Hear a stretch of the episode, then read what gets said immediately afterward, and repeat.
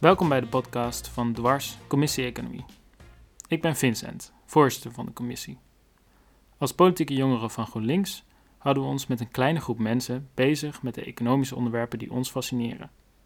Hierbij spelen onze idealen, maar ook de actualiteit een grote rol. Naast de tweewekelijkse vergadering schrijven we artikelen, organiseren we themaavonden en nemen we afleveringen op voor deze podcast. Voor meer informatie ga naar onze website dwars.org/economie. Beste luisteraars, uh, dit is de tweede podcast van de Commissie Economie en we gaan het vandaag hebben over emissiehandel.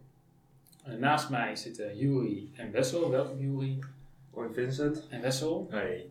Uh, en wij hebben samen twee artikelen geschreven over emissiehandel. die zijn te vinden op Overdwars. Ehm, dat, daar kom je door te gaan naar dwars.org slash overdwars.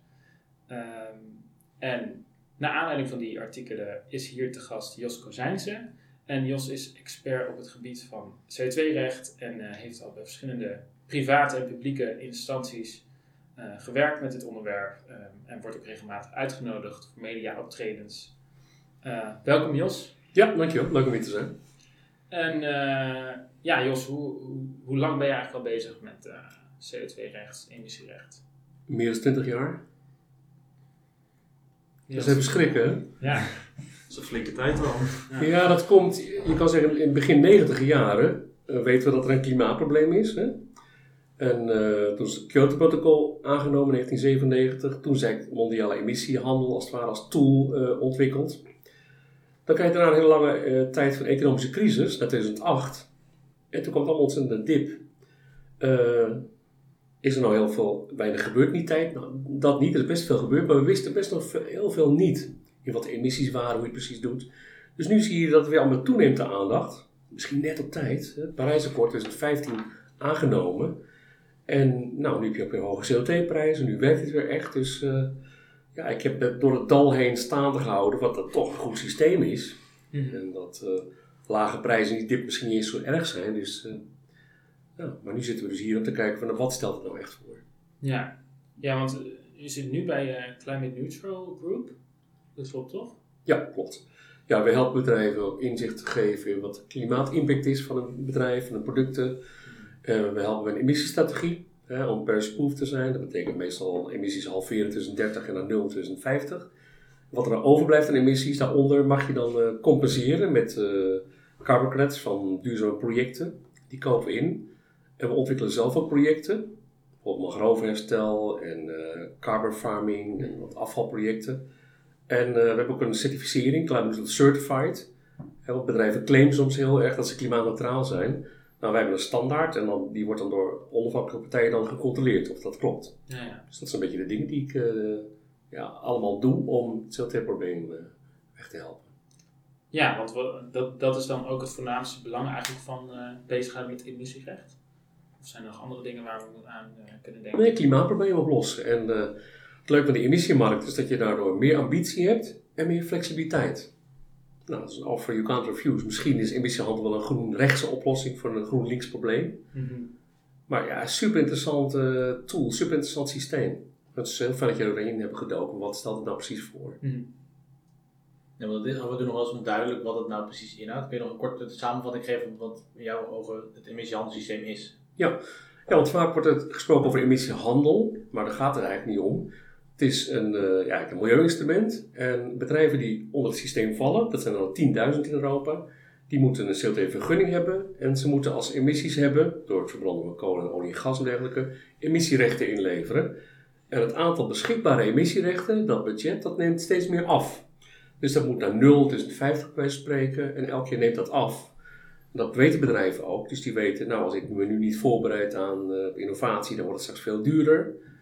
Dus dat is eigenlijk emissiehandel. Het is het afloop, afnemend emissiebudget. Daar halen we als met uh, allen in Europa de doelen mee. Maar de bedrijven afzonderlijk kunnen zelf bepalen hoe ze het doen. Sommigen kunnen meer emitteren, soms minder. Anderen gaan sneller innoveren, anderen doen het later. Dat maakt niet uit. Maar samen halen we het doel. Dus onderling, via die handel, zorg dat de kosten worden gedistribueerd. Dus eigenlijk is het ook daardoor goedkoper voor ons allemaal. Uh, soms wordt gezegd van uh, emissiehandel is, heeft de bedoeling om het allemaal heel duur te maken. Maar dat is eigenlijk niet de bedoeling. De bedoeling is om het juist betaalbaar te maken. En dat is een keuze die je hebt gemaakt is in Europa op een gegeven moment van gaan we dan CO2-heffing invoeren, hè, dan weet je de prijs, maar dan weet je toch niet precies of je op tijd de doelen haalt. Of gaan we quota afspreken? Nou, dat laatste is gedaan. En dan, die prijs is een resultante daarvoor, met alle invloeden. Dus daar moet je niet te veel op focussen soms op die prijs. Maar daar komen we zo meteen op, denk ik. Ja, daar komen we zo meteen op, ja. Ja, de volgende? Ja, is goed. Uh, nou ja, uh, wat is dan, als je natuurlijk kijkt naar het emissiehandelssysteem, eigenlijk is dan de toekomst dat het uiteindelijk niet meer bestaat. Ja. Dat het niet meer nodig is. Ja, Dus zwaar. dan uiteindelijk een, een doel. Hoewel, kijk, straks, je kan je voorstellen, straks zitten wij op nul als Europa. Hè? 2050, misschien 2040 al. Maar de rest van de wereld nog niet. Dus ik denk dat we dan toch emissiehandel nodig hebben om reducties elders te realiseren. Dat we eigenlijk als het ware als Nederland en Europa negatieve emissies moeten hebben. Dus dan hebben wij al niks, maar dan moet je ergens anders dan toch nog reducties realiseren. Dus misschien gaan we toch wel even door, maar in principe heb je gelijk. We moeten naar de nul. Dit is een eh, emissiehandel is een manier om, om wat tijd te winnen. Maar op een gegeven moment heb je het niet meer nodig, dat klopt. Maar dan ziet hij wel naar de toekomst we een mondiaal emissiehandelssysteem gaan krijgen. Ja. En dat lijkt niet alleen een Europees systeem. Dus dan gaat eigenlijk ieder land moet dan aangesloten zijn op dat emissiesysteem. Of- Ja, misschien niet eens één systeem, kan het vergelijkbaar zijn. Maar ik bedoel met, kijk, wij hebben in Europa eh, strenge normen, wij moeten al snel naar een nul. Heel veel andere landen hebben dat nog niet. Dat betekent niet dat ze niet per se zo'nzelfde emissiehandelssysteem moeten hebben. Maar dat ze bijvoorbeeld eh, projecten kunnen laten doen via Nederlandse bedrijven. Zodat daar de reductie wordt gerealiseerd met onze financiering. Dat we samen de doelen halen. Ja, dat is zeker mogelijk. En hoe ziet u nu de connectie met eh, andere, bijvoorbeeld er zijn al bestaande emissiehandelssystemen in Californië en in Zwitserland en in het Verenigd Koninkrijk. Hoe ziet u de connectie daarmee? Hoe, hoe, hoe, werkt dat eigenlijk? En, eh, kunt u wat uitleggen of, of u dat op positief of negatief inziet? Ja, bij Californië hebben ze heel veel geleerd van de Europese Unie. Hebben ze echt gekeken hoe het hier hebben gedaan. Maar ze hebben een aantal dingen alweer beter gedaan dan wij. Dus eigenlijk zouden wij als Europa nu best veel kunnen leren van Californië. Maar dat zijn een aantal details hoor. Ehm, wat je zou kunnen zeggen is, wat je vroeg net over een mondiaal systeem. Nou, vroeger hadden we het idee dat er later één mondiale markt zou zijn met één prijs en dergelijke. Maar dat gaat toch niet gebeuren, omdat landen verschillen, verschillende grondstoffen, verschillende belastingssystemen, verschillende ontwikkelingsniveaus. Dus wat je nu meer ziet is, het is wel gefragmenteerd, maar dat je heel veel eh, vergelijkbare systemen krijgt. Eh, zodat het toch zoveel mogelijk op elkaar lijkt. Dat je de dezelfde eh, accounting systemen hebt en dergelijke. Dus vergelijkbaar worden ze. En je ziet ook allerlei orchestraties in de hele wereld van de tientallen emissiehandelssystemen die er zijn. Die werken ook samen om het vergelijkbaar te maken. Dus dat, eh, dat zie je wel. Is het ook mogelijk om bijvoorbeeld een emissierecht uit te ruilen in, in verschillende landen? Dus dat bijvoorbeeld als je, iets in, als je in Zwitserland extra rechten nodig hebt, dat je dan in Europa rechten kan kopen? Of is dat dan niet aan de gang? Dat klopt. Eh, kijk, het Europese systeem kan je natuurlijk koppelen aan andere systemen. Dus dan eh, accepteer je elkaars emissierechten. Nou, dat is nu gedaan met Zwitserland. Dat is gekoppeld. Eh, Zwitserland zal waarschijnlijk wel netto koper zijn van Europese emissierechten. Dus in Zwitserland accepteren ze Europese rechten en andersom ook. Dus dan kijk je wel van of het ambitieniveau vergelijkbaar is, of de accounting systemen hetzelfde zijn. nou, misschien kan het ook gebeuren met Californië, misschien met Mexico, met de Amerikaanse staten, misschien zelfs met China. Eh, het, het, het mooie is dat je dan in alle bedrijven die in al die landen opereren, dat die er vergelijkbare doelen krijgen. Dat is eigenlijk wat je wil. Ja, zeker. Dat is wel het hoofddoel, ja. Waar zullen we nu heen gaan? Eh, ik wil het even over hebben over koolstoflekkage. Dat is natuurlijk wel een probleem. Dat is natuurlijk, je, als je hier in Europa eh, CO2-uitstoot gaan belasten, dat bedrijven dan gewoon weggaan en in China gaan zitten waar ze gewoon kunnen uitstoten wat ze willen. Ehm, dat, heeft, dat heeft wel de Europese Unie proberen aan te pakken door wat regels. Maar hoe kijk jij naar de, die koolstoflekkage en hoe dat opgelost wordt? Ja, dat is best een gek onderwerp. Hè? Bedrijven gaan eigenlijk niet Europa uit door milieunormen. Dat is nooit gebeurd. Het is wel zo dat dan internationale bedrijven gaan meer desinvesteren of zo. Er komt minder geld bij. Dat echte verhuizen dat zal niet zo gauw gebeuren, denk ik hoor. Houdt veel meer, er komt veel meer bij kijken met eh, hoeveel personeel kost, eh, wat de grondstoffen zijn. Maar het is natuurlijk wel waar van, eh, ja, als de producten hier in Europa duurder worden door, eh, door CO2-prijzen, ja, dan kan je veel minder concurreren hè, met buitenlandse partijen. Dus daardoor verlies je ook weer je marktaandeel. In die zin kan je dan zeggen dat is ook een soort lekkage, want dan worden er andere bedrijven gemaakt in andere landen. Dus ja, ergens is het wel een issue. Het wordt soms een beetje overdreven. En het is ook zo, eh, bedrijven willen het liefst level playing field hebben, mondiaal. Maar eigenlijk wil je natuurlijk helemaal geen level playing field hebben. Je wil juist de voorrang hebben. Je wil juist kunnen concurreren met de andere wereld. Maar goed, we hebben nu eenmaal dat idee van die kostenlekkage. En in principe is het natuurlijk wel waar dat als uh, Europese industrieën hele ambitieuze doelen hebben, dat die allemaal veel duurder is, dat je probeert dat de concurrentie dat ook gaat invoeren. Nou, tot nog toe hebben we die kostenlekkage geprobeerd te voorkomen door de industrie nog heel veel rechten gratis te geven. Um, daar komen we straks ook over of het goed of slecht is. Hè. In ieder geval helpt dat omdat ze in ieder geval geen kosten hebben om die emissierechten te kopen. En het is natuurlijk ook zo, die bedrijven krijgen de rechten afhankelijk van hun efficiëntie. dus een bedrijf wat dan uh, heel efficiënt is, hoeft weinig bij te kopen.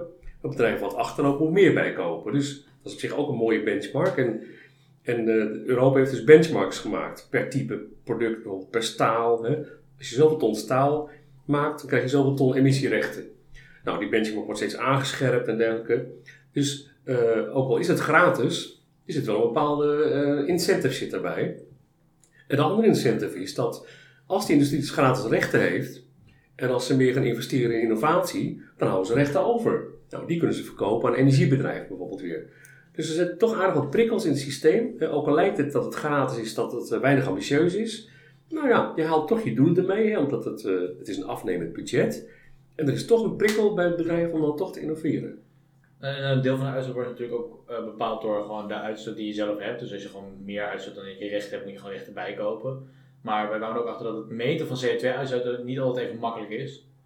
Um, zeker bijvoorbeeld als je bijvoorbeeld kijkt naar Tata Steel, die, die hadden gewoon metingen gedaan. En toen uh, heeft uiteindelijk de Nederlandse staat opnieuw gemeten en die kwamen op heel veel hogere, uh, ja, heel hogere, hogere metingen uit. En uh, dat is natuurlijk wel een probleem, want je, wil natuurlijk wel de werkelijke CO2-uitstoot belasten. Ja, ik weet niet wat uit is gekomen. Ik weet dat het wel wordt geopperd, maar er is nog geen finale uh, besluit overgenomen volgens mij. Want ik twijfel eraan. Het is juist heel makkelijk om CO2 te meten. Uh, kolen, kolen, gas, olie. Daar hebben we allemaal emissiefactoren van. Dus ik betwijfel of dat, of dat verhaal klopt. Wat ook speelde bij Tata is dat ze bijvoorbeeld bepaalde rookgassen worden gebruikt door Nuon om stroom te wekken. En dan vallen ze onder de emissies van Nuon. misschien zijn er wat systeemfouten gemaakt, maar ik heb niet het idee dat de CO2-metingen niet juist zijn in de industrie van Europa. Juist omdat CO2 makkelijk te meten is. Dus ik denk dat dat niet een, uh, niet een probleem is. Nee, dat wil ik ook wel weten. Dat in het buitenland het wel een probleem is. Van bijvoorbeeld als je dingen uit China haalt, ja, die, die, daar, heeft de Europese Unie geen controle op hoe het gemeten wordt. Uh, maar het is wel zo dat als je de staal uit China haalt, dat je daar wel iets van een, uh, een vergoeding over moet betalen. Om, om dus te voorkomen dat bedrijven in de Europese Unie niet meer kunnen concurreren met buitenlandse bedrijven. Ja, dat heeft met een koolstoflekkage te maken. Ja. En tot nog toe krijgt de industrie nog rechten gratis. Uh, de Europese Commissie zegt van nou, misschien moet dat toch een beetje veranderen. Hè, dus die wil het langzaam afbouwen. Dus 10% per jaar minder gratis. En dat dan tegelijkertijd dat de bedrijven die uh, aan de Europese Unie leveren, staal uit China bijvoorbeeld, hè, dat die dan aan de grens een carbon border tax adjustment moeten betalen bijvoorbeeld, hè, een heffing. Uh, maar ja, dan moet je wel die data hebben van de Chinese staal. En misschien zegt het staalbedrijf, ik gebruik groene stroom of ik recycle alles. Hè. Je hebt bijvoorbeeld ook staalbedrijven in India die veel innovatiever zijn dan de Nederlandse. Dus ik denk dat de Europese Commissie daar zich misschien iets te snel rijk rekent. Het is niet makkelijk om het te meten. En misschien zijn ze wel nog uh, efficiënter dan ons. Hè? Ik denk dat het ook veel belangrijker is. Uh, er is ook best veel verzet tegen deze grensheffing, van ontwikkelingslanden met name. Want die zeggen van ja, wij hebben gewoon uh, minder uh, strenge doelen, dat mag ook. En ook gaat onze industrie dezelfde kosten als jullie krijgen. Dat klopt ook niet helemaal. En, dus daar zit wel wat in. Ik denk ook dat het veel belangrijker is dat alle landen ook CO2-beleid invoeren in de industrie. Dat is ook een beetje waar Duitsland naartoe gaat, samen met Amerika. die wil meer een soort climate club organiseren, carbon club, om te zorgen dat zoveel mogelijk landen gewoon carbon pricing invoeren voor industrie. Ja, dat, is gewoon een fijner instrument dan een grensheffing. Want ja, dan heb je toch het verwijt van protectionisme hè, in Europa. Dus ik snap dat sommige politieke partijen willen het wel graag, maar die zijn toch geneigd om heffingen uh, als een goed instrument te zien. Ja, ik twijfel daar een beetje bij. Ik volg het wel heel goed, het onderwerp. Maar ik denk dat de beste oplossing is dat alle landen CLT-beleid invoeren voor industrie. Maar wat als je een aantal landen hebt die dan niet, uh, die dan geen, geen, ja. niet zelf CO2-beleid willen gaan invoeren. Dat zijn de rogue traders. Hè? Dat zijn de rogue traders. Ja, ja. En in de Kyoto-periode was het Australië een tijd. Uh, van, goh, hoe moeten we daarmee? Want die wilden helemaal niks. Op een gegeven moment kwam een, een, een Labour-regering, toen deden ze wel weer mee. Mm. Iedereen verwelkomde Australië, welkom aan boord. En toen had Australië ook zelfs een idee om het, hun emissiehandelssysteem te koppelen in Europa. Maar geen nagen waar ze nu zijn. Ze zijn helemaal weer van pad af als het ware. Het is gewoon ongelooflijk. Nou, nu op Brazilië dan weer. Het is zelfs politiek afhankelijk. Hè? Wat doe je dan met dat soort landen? Het is ontzettend moeilijk. Uh, want grensheffingen helpen ook niet echt direct. Hè? Want dan gaan ze weer handelen met hun eigen partijen onderling. Dat zie je nu met de gasimport. Als je het verandert, ja, dan gaan andere landen weer gas importeren. Het is gewoon heel moeilijk om, bedrijven, om landen die, niet mee te doen, de, de pas af te snijden. Dus ja, daarom probeer ik juist meer positieve incentives te vinden. Van hoe kan je nou landen als China, Rusland, uh, Australië erbij betrekken. Toch bijvoorbeeld daar uh, ja, ze aan de emissiemarkt koppelen. Hè, van als je bedrijf wel reducties realiseert of bos aanpalt die wat, kan je er misschien carbon voor krijgen die we kunnen gebruiken. Dus ik denk dat positive incentives misschien ja, fijner werken voor bedrijven. Maar is het dan tot die tijd, totdat je die landen inderdaad meekrijgt in, in het verhaal, zeg maar, uh, wel haalbaar om, om het uit te voeren, bijvoorbeeld op Europees niveau? Want ik kan me voorstellen dat dan veel partijen ook zeggen van ja, als zij niet meedoen, dan, dan, dan is het niet eerlijk of dan, dan is het niet goed, goed uitvoerbaar? Of, of, denk je van, we moeten nou, zelf verder gaan? En ja, dat denk ik, ik twijfel er een beetje mee. Ik had ook vroeger uh, gesprekken met Amerikanen toen in de Kyoto-periode. En Amerika wou nooit lid worden van Kyoto. En die zei toen, ja, wat doen jullie als Europa jezelf aan? Je maakt allemaal hoge kosten. Ze zei maar wij, wij, zien het helemaal niet zo. Het is innovatie, het, het, is banen, het is toch de kant waar we op willen. Zeg je het slim doet. Dus het is niet alleen een kostenverhaal, het is gewoon innovatie. Je moet het gewoon slim doen. Dus nee, we, gaan gewoon door. Je probeert daar dus de, de markt eigenlijk te veroveren, de technologie, de patenten uh, en dergelijke. Nee, we gaan gewoon door. Het is ook zo, de meeste landen gaan wel de goede kant op. Dus uh, ja, Australië, Rusland, dat zijn wel lastige landen. Uh, en, dan moeten wij misschien meer doen. Um, ja, stoppen niet. En dan gaat het goede voorbeeld laten zien, denk ik. Ja, maar de, ja. Dus dan vindt u dus de, de, de koolstofgrensheffing is dan niet zo goed alternatief om die juist die slechte landen soort van alsnog wel laten te betalen voor de CO2. Nee, dat denk ik niet. Okay. ik niet. Ja. Ook omdat het ingewikkeld is, hè? hoe vergelijk je die getallen precies nou? Uh, want in Europa gebruiken in ieder geval landen nog steeds kolen. Hè? En uh, dan ga je zeggen, ja, we willen Australië eruit halen, want die gebruiken kolen. Maar dan moet je het ook tegen Polen doen, dus dat klopt ook niet helemaal. Dus het is, uh, ja, je hebt toch vaak het risico dat men het als protectionisme ziet, want we zijn, doen niet alles even zo groen. Hè? Uh, dan getallen vergelijkbaar maken is moeilijk. Ja, en welke prijs begeer je dan? Ja, ik ben gewoon meer een uh, positief incentive jongen. Ja. Dus ik, uh, in mijn werk ben, hou ik nog nooit met CO2-kosten bezig, maar met CO2-waarden. Ja, dus vaak als ik voor bedrijven werk, dan zorg ik voor een rechterkolom, extra. Van deze technieken kunnen we doen, recycling en dergelijke. Goh, wat levert dat op als CO2-waarde, Jos? Nou, daar help ik dan bij.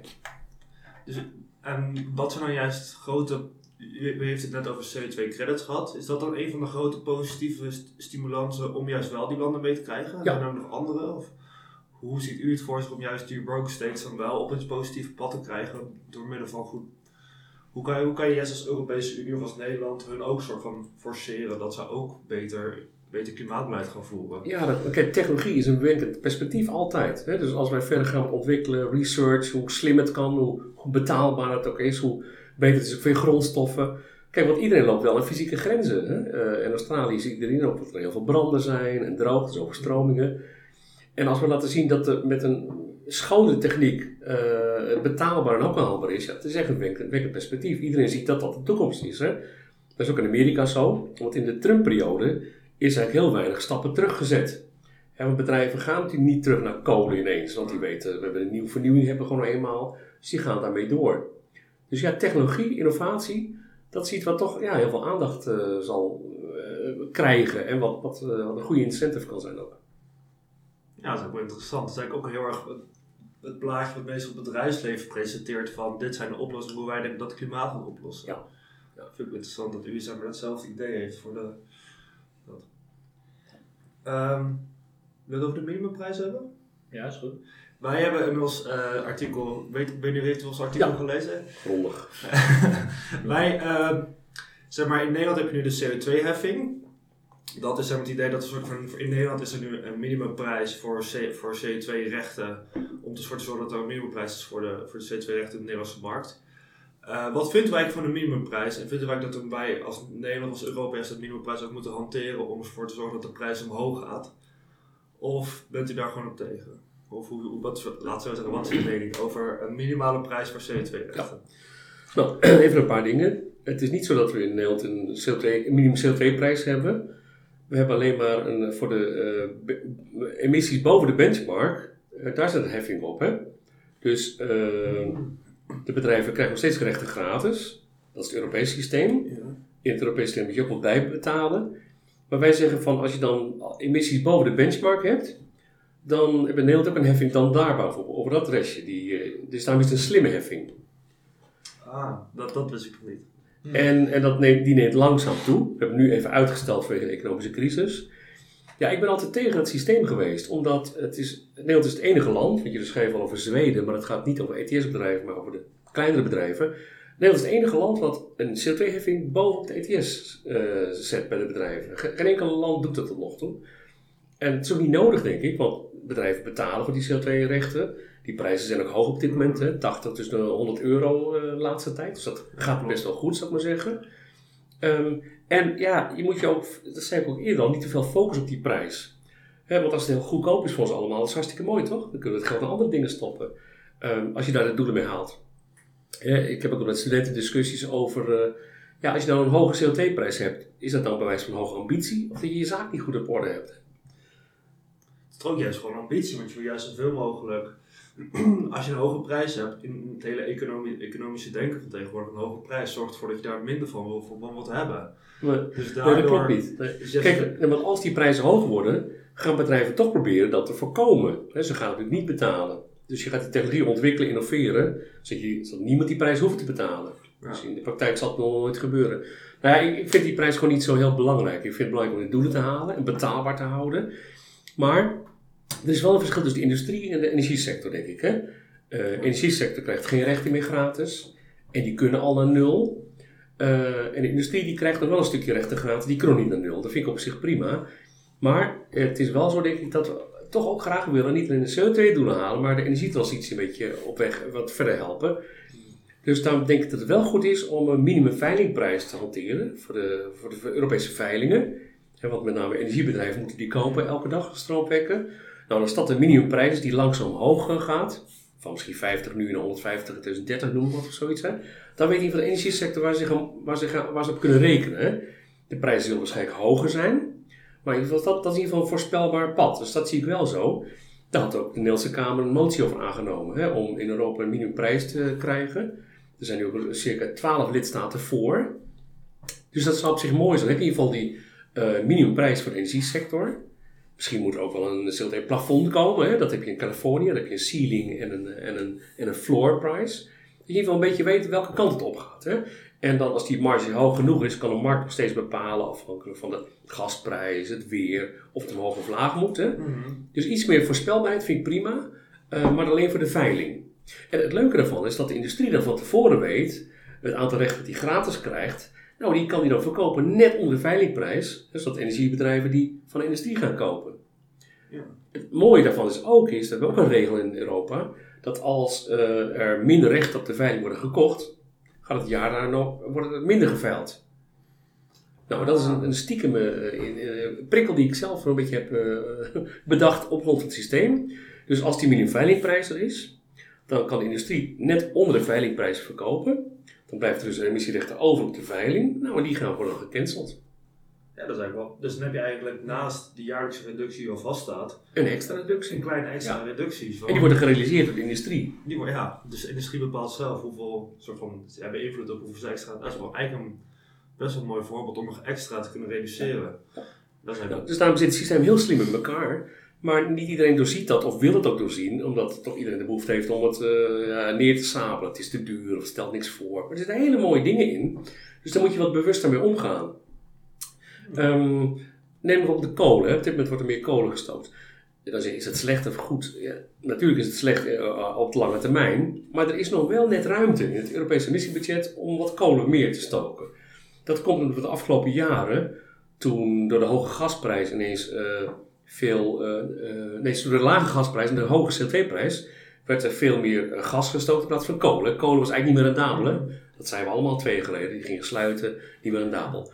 Dus daardoor hadden we een tijdje meer, meer kolensluitingen dan we hadden voorspeld eigenlijk. Dus hadden we meer gas ten koste van kolen.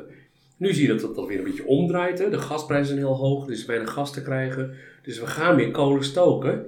Nou, dat past net binnen dat budget. Alleen wat er wel zou moeten gebeuren is, denk ik, dat Europa even samen gaat kijken van hoeveel ruimte is er precies voor kolen de komende twee jaar. Zodat je daarna dan weer weer naar gas over kan gaan. Dus eigenlijk wat ik hier me vertellen van, het is een heel slim systeem, alleen regeringen zouden er iets meer bewuster mee om moeten gaan. Het is, Ja. wel, een- het is wel een heel slim systeem, maar wat wij ook hebben ervaren is dat het ook best wel lobbygevoelig is. Daar hebben we het ook net ook al over gehad voor de podcast. Dat eh, bedrijven toch wel een manier zoeken om, eh, om eigenlijk van, van zoveel mogelijk opties gebruik te maken om maar zoveel mogelijk eh, niet te hoeven betalen. Ja, daar geloof ik er niet in. Nee, het is gewoon, het is één groot compromis, het emissiehandelssysteem. hè. Er wordt heel veel gelobbyd in Europa, maar voor ook voor partijen, NGO's. Het is niet dat bedrijven hebben gezorgd dat het allemaal niet werkt of gratis is. Nee. Natuurlijk zullen ze wel proberen om het reservepotje open te houden. Maar dat zijn allemaal toch details. Het gaat om die cap en die gaat naar beneden.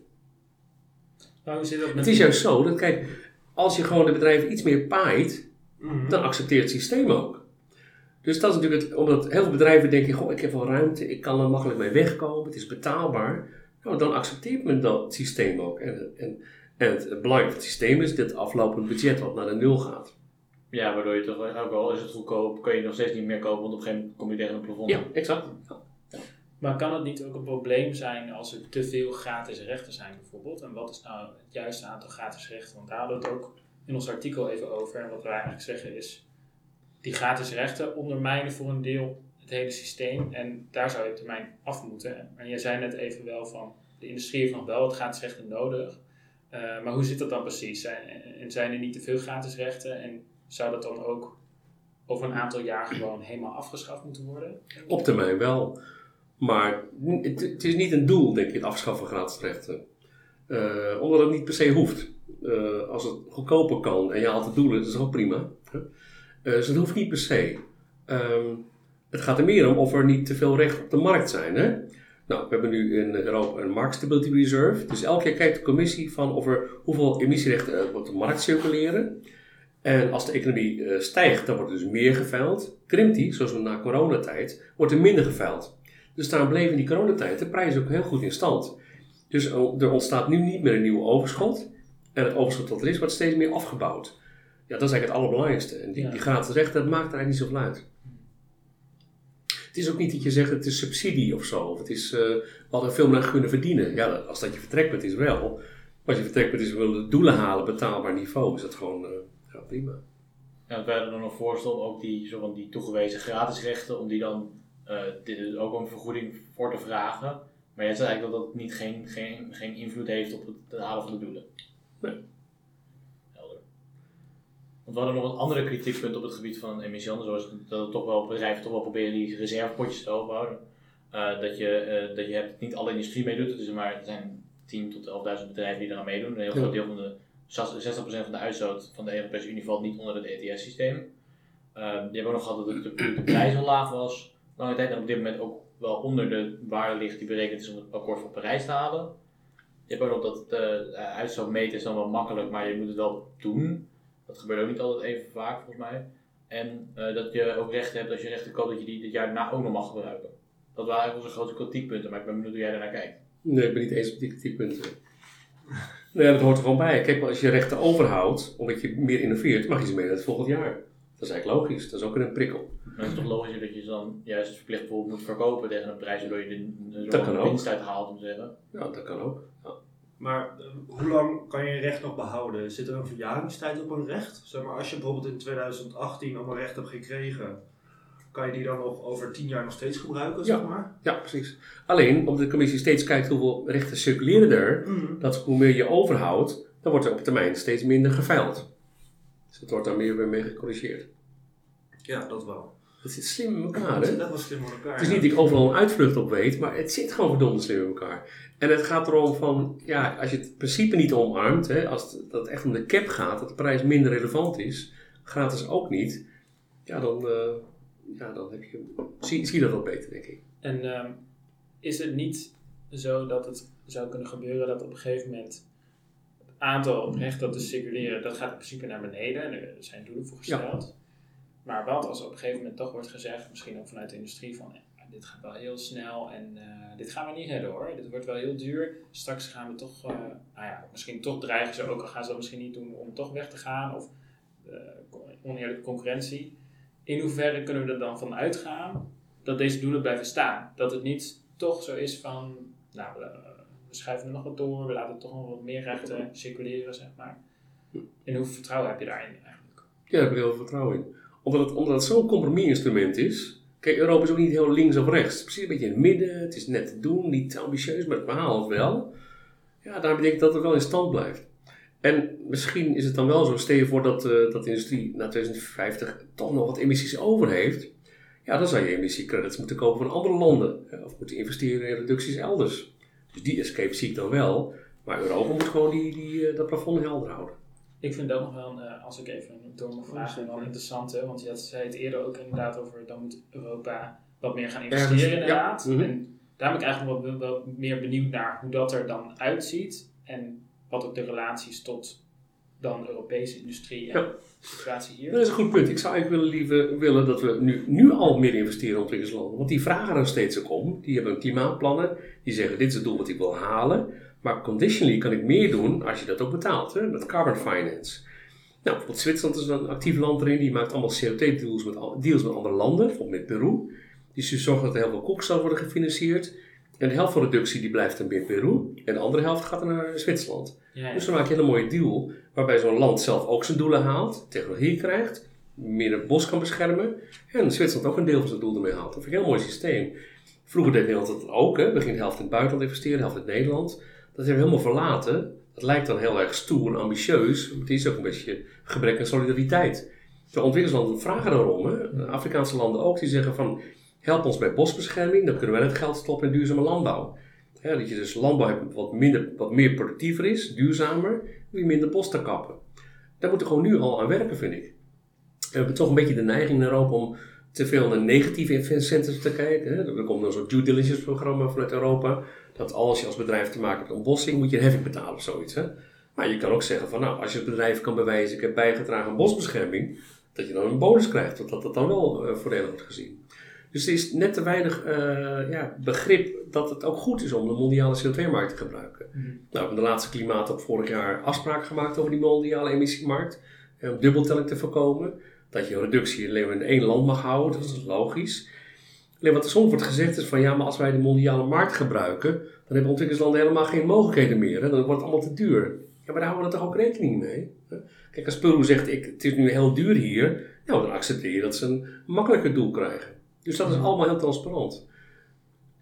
Maar is het niet ook heel. Want een, een groot probleem was met de mondiale emissiemarkt heel fraudegevoelig was. Bijvoorbeeld dat, dat er dan werd geïnvesteerd in ontwikkelingslanden dat het eigenlijk helemaal niet uitkwam. Of dat bijvoorbeeld er werd gezegd, we doen aan uh, duurzaam bosbeheer, maar dat bos werd sowieso niet uh, bedreigd door iets. Dat er wel de punten voor, de, de credits voor gehaald werden, maar dat eigenlijk helemaal niks veranderd was in de situatie.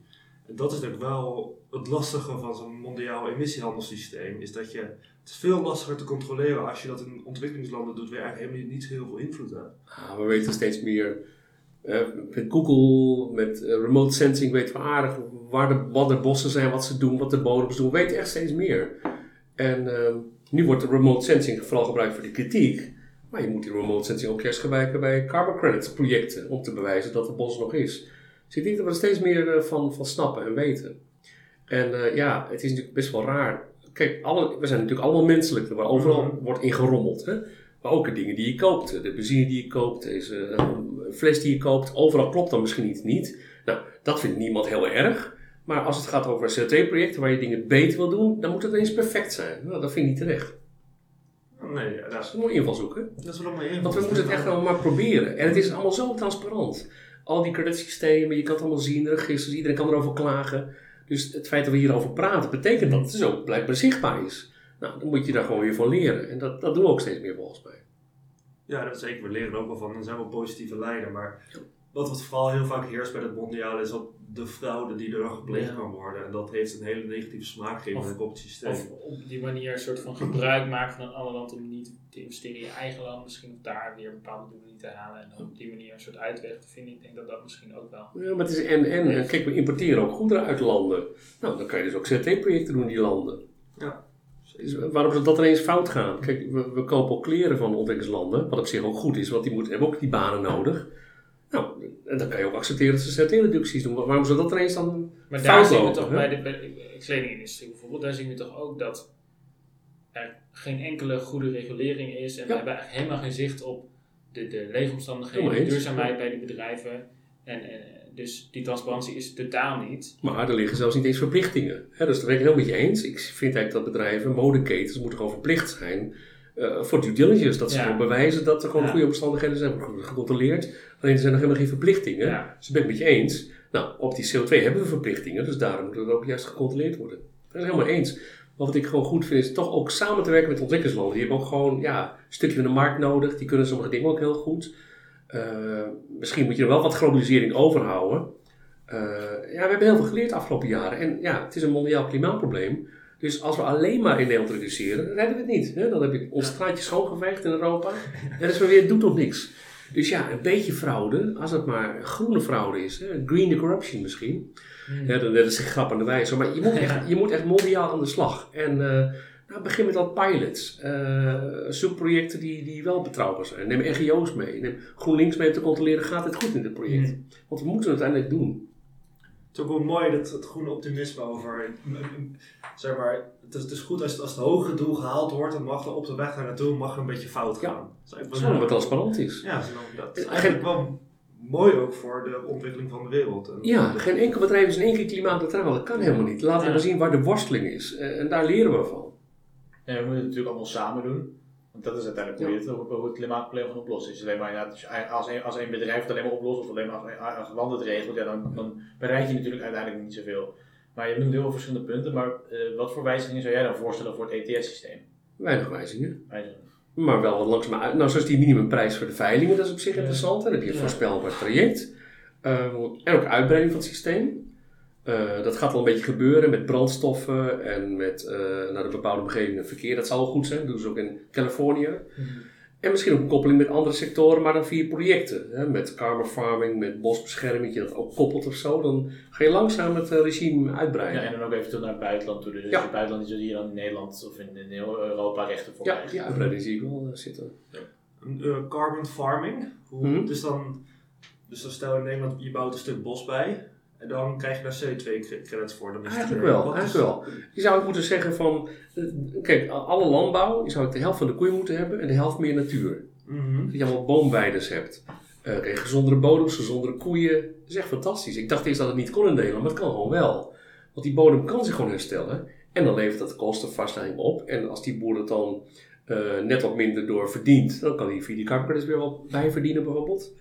Eh, als, als, als manier om dat te eh, stimuleren. Daar heeft de Rabobank wel ook wel een project mee gedaan met dat eh, als boeren besparen dat de Rabobank daar dan weer geld tegenover zet. Ja, dat vind ik wel een beetje jammer. Kijk, want Rabo zit daar weer als lenende partijen bij. Ja. Dus ik wil het liever een beetje erbuiten houden. Maar op zich is het goed dat ze de boeren helpen het te berekenen, te monitoren. En uiteindelijk leidt het tot gezondere bodems. Dat is het mooie. Eigenlijk die klimaatoplossingen is vaak weer een... Ja, dan herstel je een hoop dingen die nu eh, fout zijn gegaan. Hè? Eh, op meer kleine schaal, eh, gezondere bodems, eh, meer kwaliteit. Dat is bijna trouwens bij alles. Hè? We hebben zoveel overproductie. Als je nou de helft minder produceert, maar we hebben meer kwaliteit... en we betalen er ook meer voor, dan heb ik al heel veel gecorrigeerd. Ja, dat is, ja, over, overconsumptie is Ja. zeker een heel groot probleem. Zonde. Echt Ja, zeker als je naar Nederland kijkt, we produceren heel veel voedsel, maar de helft ervan gaat naar het buitenland. Ja. Dus op grond produceren we heel veel. We wonen in een klein land, we produceren heel veel eh, boerenbedrijven, maar daarvan consumeren we eigenlijk maar heel weinig als Nederland zelf. Nou, dat is niet zo erg, maar eh, heel veel procent ehm, verdwijnt in afval, wordt niet gebruikt. Dat is, dat erger. Nee, ik vind het op zich niet erg dat je als land iets produceert van een ander land, want wij importeren bij een ander land. Alleen moet wel zo duurzaam mogelijk, op een slimme manier, moet wel kloppen. Dus het is wel goed om te kijken van wat willen we wel doen in Nederland en wat niet. En je moet ook niet te veel over de wereld heen en weer eh, vervoeren, maar iets van handel, dat mag wel, denk ik. Dat is op zich wel goed. Zeker. Anders dan kunnen we leven alleen maar op tomaten. Ik denk niet dat iedereen er groot van is. Nee, een beetje handel is ook goed natuurlijk. Dat is ook belangrijk voor de wereldeconomie. Je moet natuurlijk st- sterk zijn. Je moet juist goed worden. Als je ergens goed in bent, moet je juist kunnen exporteren. Ja. Maar minder goed doen. Ik denk vooral, als je ergens iets duurzamer kan produceren, moet je er Daar natuurlijk kan je ook van leren. Kan je van leren, ja. Hebben wij nog andere vragen? Ja, misschien wat, wat, ervaar je nou dat de, de grootste misconcepties zijn over emissiehandel en is. En, en wat er wordt geroepen zoal door... Nou, door dat de prijzen te laag zijn, dat is onzin. En dat het heel slap is en dat bedrijven niks doen, dat zijn allemaal misconcepties. Want ik laat het plaatje zien, kijk, het emissiebudget neemt gewoon af. Ja. Alleen mensen willen heel graag dat het ook andere dingen helpt te halen, zoals dat een CO2-opslag gratis wordt of dat er heel veel zonnepanelen daardoor komen. Ja, dat kan, maar dat hoeft niet per se. Ja, Dus daarom, kijk, het klimaatprobleem kan een groene oplossing hebben, maar het kan ook gewoon een grijze oplossing hebben. En als je daar die doelen maar mee haalt. Want ik zeg wel eens, we hebben best veel tijd nog voor de transitie, hè? maar de CO2-reductie die moeten we echt op tijd halen. ja, Dus daarom is die discussie over taxonomy zo interessant. Van, eh, het gaat er niet om dat, groen nu, eh, dat gas nu groen is, maar het gaat erom dat dat toch nog nodig is om op tijd die doelen te halen. Ten koste van eh, kolen. De transitie heeft gewoon net iets meer tijd, maar die CO2-doelen moeten we halen. Mhm. Het is misschien iets minder groen, wat grijs. eh, en natuurlijk allebei wel inzetten. Het heeft gewoon net iets meer tijd. Maar u ziet wel voor dat we in 2050 als Europese Unie klimaatneutraal Ja. zijn. Jazeker. Ja. Zeker als er wat van de mondiale emissiemarkt wordt gebruikt. Nou.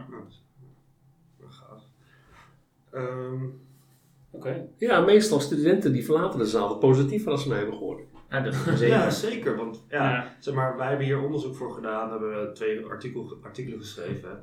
En als je dan alle nieuwsartikelen leest, vooral van Nederlandse media, dan is het eigenlijk een vrij negatief beeld over het emissiehandelssysteem. En als je ook een aantal klimaatpapers leest, die zeggen al vooral, ja, oké, economische klimaatpapers, die praten vooral over de prijs moet omhoog, de prijs moet omhoog, anders haal je het niet. Ja.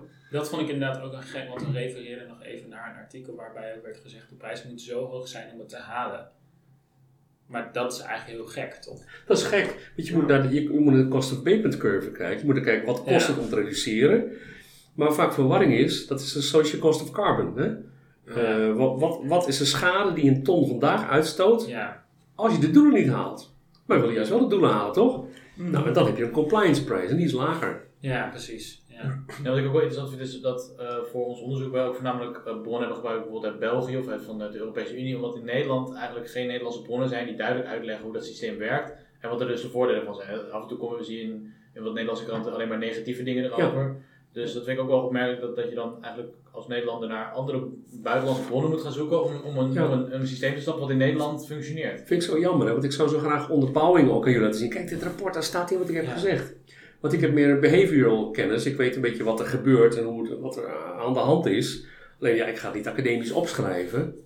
Maar ik hoop dat dan sommigen dat dan doen. Zoals misschien ooit, misschien aan de hand van deze podcast. Ja. Want uh, iemand denkt, Welkom aan de slag, jongens. ja. Nou, zullen we dan eh, gaan Nou, ik afsluiten? denk dat we al- alle vragen beantwoord hebben. Ja, oké. nou, dan zijn we aan het einde gekomen van de podcast over emissiehandel.